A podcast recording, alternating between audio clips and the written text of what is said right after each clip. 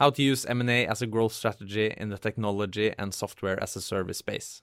That was the main topic in a panel discussion we held during our Nordic Tech SaaS conference on the 10th and 11th of November. To share their insights on the topic was uh, Eilert Hanoa from game-based learning platform Kahoot!, Gøran Lindø from EHS uh, software platform EcoOnline, and Erik Fjellvær Hagen from Norway's leading SaaS investor, Viking Venture. The panel was moderated by Pareto Securities' uh, Head of Technology in Investment Banking, Tarjei Mellin Olsen. Enjoy. Both Viking, Kahoot!, and EcoOnline have used M&A as an important part of growing their business and making them successful. I am Tarjei Mellin Olsen, and I'll be hosting this uh, debate. Erik, uh, we have noted that M&A is a very important part of your 17 portfolio companies. So let's start with a fundamental question. Why is uh, M&A important for SaaS companies? Well, let's uh, look at the context first. So, uh, Of the 17 companies that we have in the portfolio today, being the leading B2B SaaS investor in the Nordics, these companies made 42 acquisitions last last year and this year, with a total enterprise value of 6 billion NOK. So that's a sizable amount. Um, If you look at what that contributes and why that's a big part of our strategy, uh, at the time of investment, the companies had a combined uh, annual recurring revenue, so ARR of 700 million, and that has grown today to 2.7 billion. So there is an increase of 2 billion. Out of that 2 billion, 1.1 billion uh, is because of M&A. And Just reference, the annual growth rate on ARR in our companies is 44%, so it's a vital part. Uh, what we see are four reasons why you would want to uh, engage in M&A, at least. The first is to uh, build a new position, whether it be in a new country or a new vertical market. A good example of that is Mercell's acquisition of Negometrix in the Netherlands. That gave us a position in the Netherlands, in the U.S. The second reason would be to consolidate your position, either in a geographical market or in a vertical market. So in Mercell's uh, example, uh, we acquired uh, Visma's business in Sweden, and by doing so, we became the definite market leader in Sweden. The third kind of avenue why we would do this is to add functionality that we can then sell to all the existing customer base. So for instance, Mercell, they've bought companies within what they call the post-award market, and being able to sell that to all Uh, their uh, other existing customers. And then the fourth, I guess, would be um, if you have a platform or part of your platform that is uh, get having a lot of technology debt, you could buy a new company and in that, getting a new platform. And that's what Mercell did, because when we acquired Negometrix, we didn't only get the position in the Netherlands and in the U.S., but we also got one of the three core platforms uh, uh, they have. So and with all these four main drivers, you can, of course, have combinations of them. Yeah. Very good. So, uh, Eilert, I guess you're hearing as well. Kahoot! has been making a few high-profile acquisitions lately. Most recently, Clever for US for $435 million. Can you say a bit about your M&A strategy and how this helped build your company? Absolutely. Can you hear me okay? We hear you well. Great. So uh, I think for Kahoot!'s part, it's a combination of both, uh, as you have seen us do uh, so far, up until Clever, to use acquisitions as a way to do bolt-on development of the operation, both to add, of course, capacity and experience from great teams, to get products and projects, uh, and even customer bases uh, ready um, with uh, a good organization to manage them, and help us grow and accelerate the usage on the core Kahoot! platform. Of course, Clever, which is a slightly bigger acquisition, both from a size perspective, revenue perspective, and also um, a solution perspective, is adding another dimension to our business with uh, their K-12 uh, learning platform for uh, schools in the U.S. Uh and that is our extension of the core Kahoot! platform to a larger degree than the acquisitions we've done so far, which I would consider more as bolt-on acquisitions to the existing Kahoot! value proposition. And it all sums up to, I think, a few important points, at least from a Kahoot! perspective, which is, Uh, of course, never to treat any acquisition as uh, uh, an equal to the previous one or to any other, but as the individual opportunities they represent, having a great inbound um, both influence of DNA of products and talents.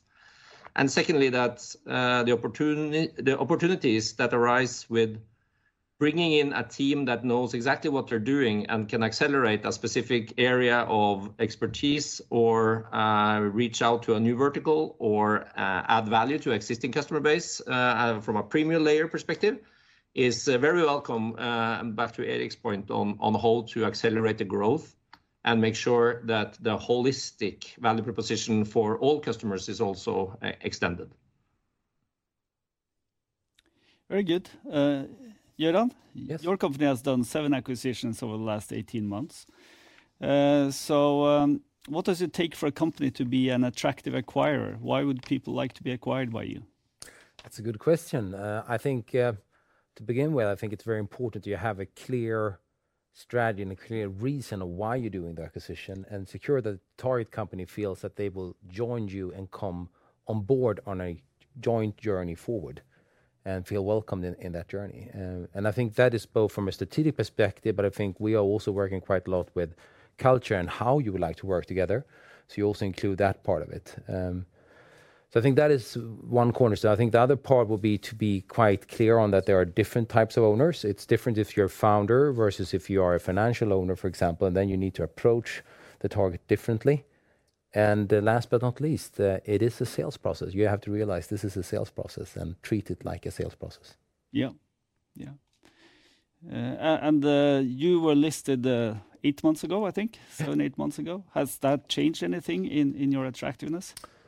Yes, some, um, I would say. I mean, first of all, we are a more natural taker. We got a bit more incoming acquisition um, possibilities coming our way Uh, as we are a bit more known and becomes an even natural take, I would say. So It is a positive from that perspective. Mm. Good. Erik, uh, I've seen you must have seen quite a few more companies than you've actually bought in your portfolio companies. Absolutely. Yeah. So what are the key attractions and turn-offs when you have a first look at the company?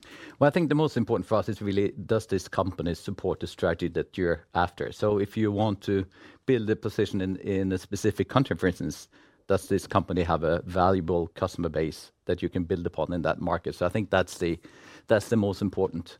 The second is, of course, that we look at all these uh, that we all these KPIs that we love, and we have some very specific ones. I mean, is it of the right size? Do you have the uh, organic growth that you want? Uh, what does it look like on the net retention and on the churn side? Mm. And then the third, I would guess, and uh, I guess that also goes with your acquisitions, Gøran, is is is it a team that really wants to be part mm. of building something bigger, that mm. you really want to do something together as a combined team? So those are the kind of things that we're looking for.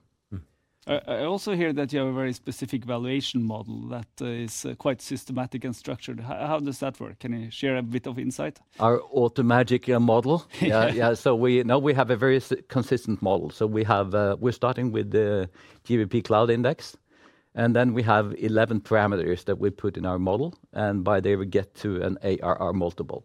And that we use, of course, for our own uh, investments.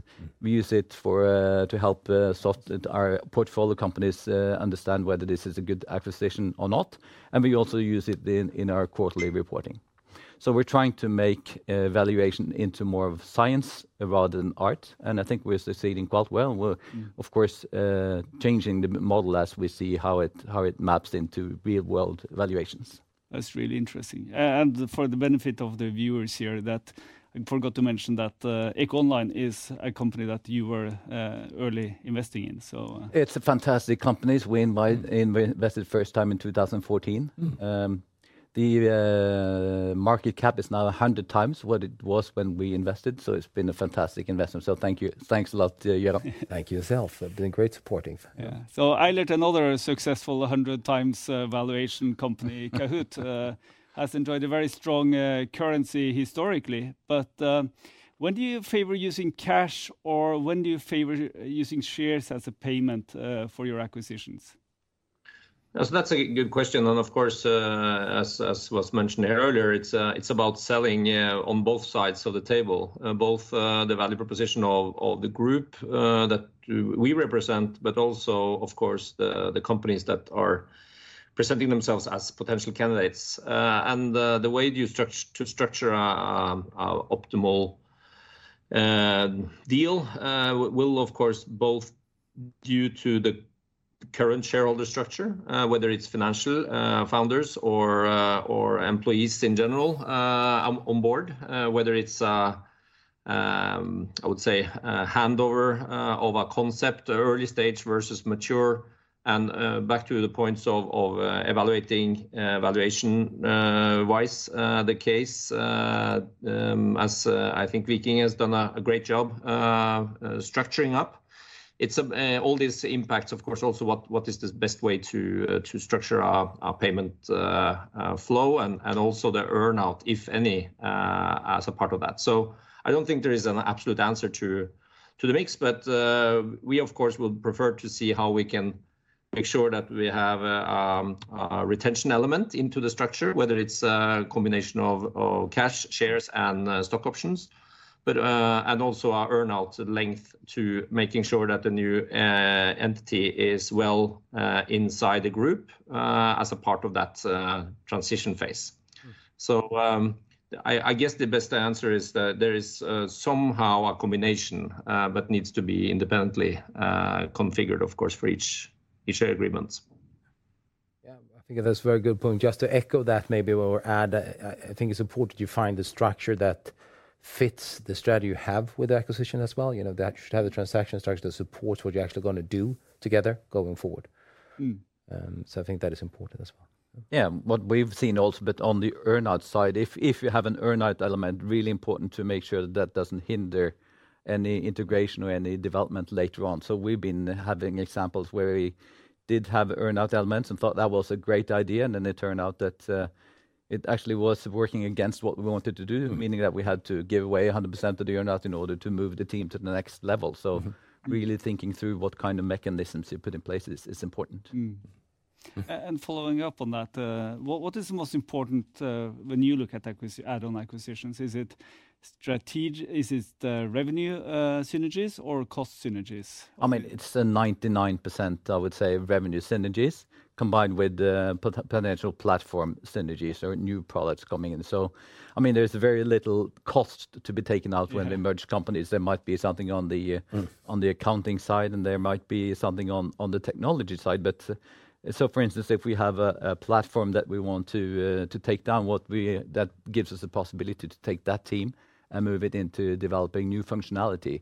So we very seldom see that the size of the development team goes down, but we see that we can use that team to develop things that we could otherwise not have done.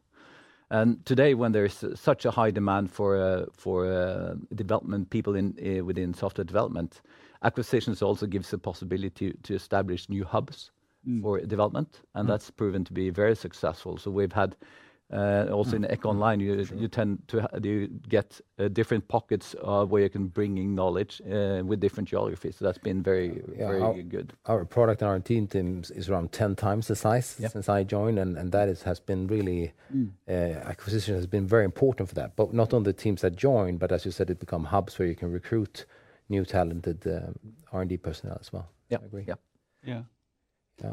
Um, Eilert, uh, with your acquisitions, what are the key elements to focus on in uh, uh, the post-M&A integration of the acquired companies? Yeah, So I think integration is something that will happen and shall happen over time, but it's also important to kind of hurry slowly with that. You're probably uh, acquiring a company because there there is something they're working pretty well already, uh, both from an organizational perspective, product development, sales, and and customer satisfaction. Uh, so, making sure that you keep that, but can accelerate the positive sides and then share the cost on the on the um, admin, back office, and everything that doesn't really add value to the customers, I think is a great high-level way to think about it. Uh, of course, it's a big difference of uh, a product bolt-on team uh, that you are integrating into an existing organization versus a company that has its own full management team, like we see with Clever, that is capable of fully operating what they have and probably much more without having to be integrated as such. And then you have to take into the consideration, as we just talked about, the onboarding/earn-out, and then make a model where you're able to kind of Uh, align on the synergies, uh, and both uh, seeing how you can potentially and hopefully extract instant value that might be just not increasing cost in either or both of the units. And also maybe shut down or consolidate projects that are similar or basically delivering the same in the two organizations. But at the same time, being able to run them uh, side by side in a operational and uh, uh, scale perspective in order to be compliant with external owners or ex-owners that might be waiting for their earn-outs. I think hurry slowly on integration and again, thinking of how to integrate as a separate or special task for every item or every company, and maybe even on a team level in some cases, uh, in order to make sure that you're not stopping what's good, but at the same time being able to accelerate what's what's there that needs to be uh, shared across the organizations. Good. Uh, yes, to add something, I totally agree with you. I think to add something to that is I think it's very important that you focus on communication and be clear on timeline and what you're gonna do early on. 'Cause if you, in the beginning, start to communicate unclearly or make uh, some impressions that will not happen or will happen, uh, you have quite a big uphill process to take that back. Uh, so I think it's very important to create a warm, welcoming atmosphere in both the taker and the acquirer organizations and make them all understand what's gonna happen. And then, of course, that can change. But yeah, you never underestimate the, you know, number of communication points needed to make it happen from that perspective. Eilert is talking about speed, and I think that sometimes you need to uh, decompose the uh, uh, buy side of it and the integration side of it. So, for instance, if you we have had situations where we see there is a very attractive market to go out and buy companies. That will never last. Yeah. When there's an opportunity to buy companies at a good mm. price, Uh, be willing to buy more companies, put them in a holding structure, and then you can integrate them one by one instead of saying, that, "No, we don't have the capacity to integrate, so we have to wait doing acquisitions. Mm-hmm. mm-hmm. Once you're ready to do integrations, your acquisition possibilities have gone. So then, uh, then I think it's better to do the acquisitions, get a holding structure, making sure that they can run as independent companies, and then you can integrate them in a mm-hmm. more orderly fashion. Very good. On that uh, note, uh, thank you very much, uh, Gøran, Erik, and Eilert. And um, thank you for this debate, and we'll continue to watch the rest of the day. Thank you. Thank you. Thank you very much.